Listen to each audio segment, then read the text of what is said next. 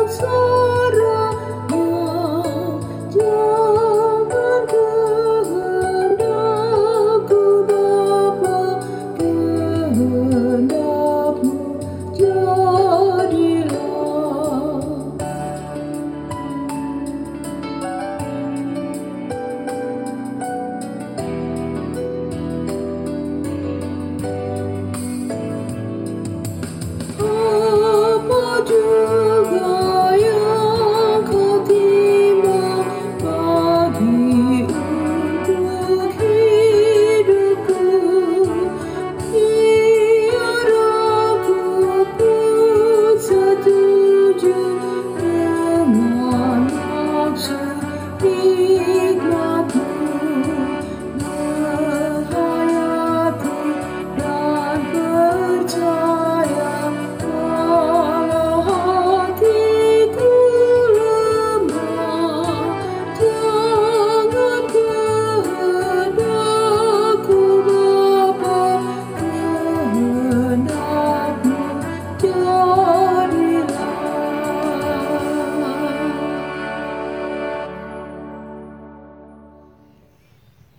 kita berdoa.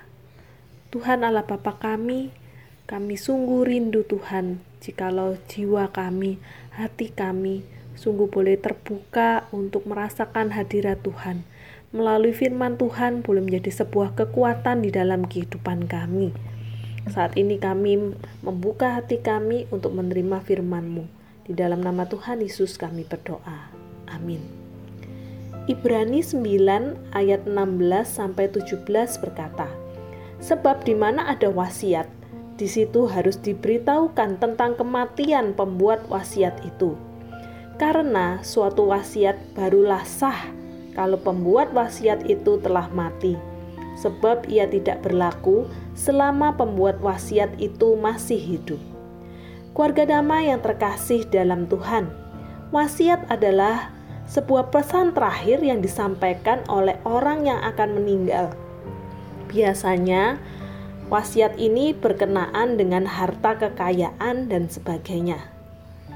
Keluarga damai, pernahkah Anda mendapatkan wasiat? Atau mungkin bagi Anda yang belum pernah menerima, saya ingin saat ini Anda membayangkan ketika suatu kali Anda diberitahu bahwa Anda menjadi penerima surat wasiat entah itu mungkin dari orang tua Anda atau saudara Anda atau seseorang yang tentunya sangat mengasihi Anda. Apa yang akan menjadi perasaan Anda waktu itu, keluarga damai, ketika Anda mendengar atau Anda terpilih menjadi seorang penerima surat wasiat? Tentunya mungkin akan ada sebuah perasaan sedih karena berita itu artinya mengandung pesan bahwa seseorang yang memberikan wasiat telah meninggal dunia. Akan tetapi, bukankah seharusnya juga ada sebuah rasa haru, rasa terima kasih atas kepercayaan yang diberikan pada Anda untuk menerima wasiat tersebut?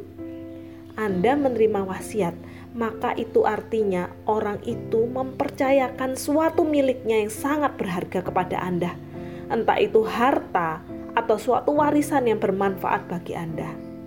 Dan tentunya secara implisit ada kasih yang begitu besar bagi Anda. Keluarga damai melalui bacaan kita hari ini ada sebuah pesan yang ingin saya berikan bagi Anda. Selamat Anda penerima wasiat yang berharga. Ibrani 9 ayat 15 berkata, Karena itu ia, yaitu Kristus, adalah pengantara dari suatu perjanjian yang baru, supaya mereka yang telah terpanggil, yaitu kita anak-anaknya, dapat menerima bagian kekal yang dijanjikan. Sebab ia telah mati untuk menebus pelanggaran-pelanggaran yang telah dilakukan selama perjanjian yang pertama. Keluarga damai setiap kita yang terpanggil sebagai anak-anak Tuhan, kita menerima sebuah warisan kekal, yaitu sebuah keselamatan. Pernahkah Anda memikirkan bahwa ini adalah sebuah warisan yang luar biasa yang diberikan oleh pribadi yang sungguh mengasihi kita? Kita tidak hanya menerima harta yang berharga, namun kita menerima warisan harta surgawi yang tidak ternilai harganya. Kita tidak hanya beroleh manfaat yang dapat digunakan sementara saja di dunia ini, namun kita beroleh sebuah manfaat yang dapat kita gunakan dengan kekal selama-lamanya. Keluarga damai di masa pandemi ini mungkin ada berbagai macam kesulitan yang kita rasakan. Dan saya tidak tahu saat ini pergumulan terberat apa yang mungkin sedang Anda alami.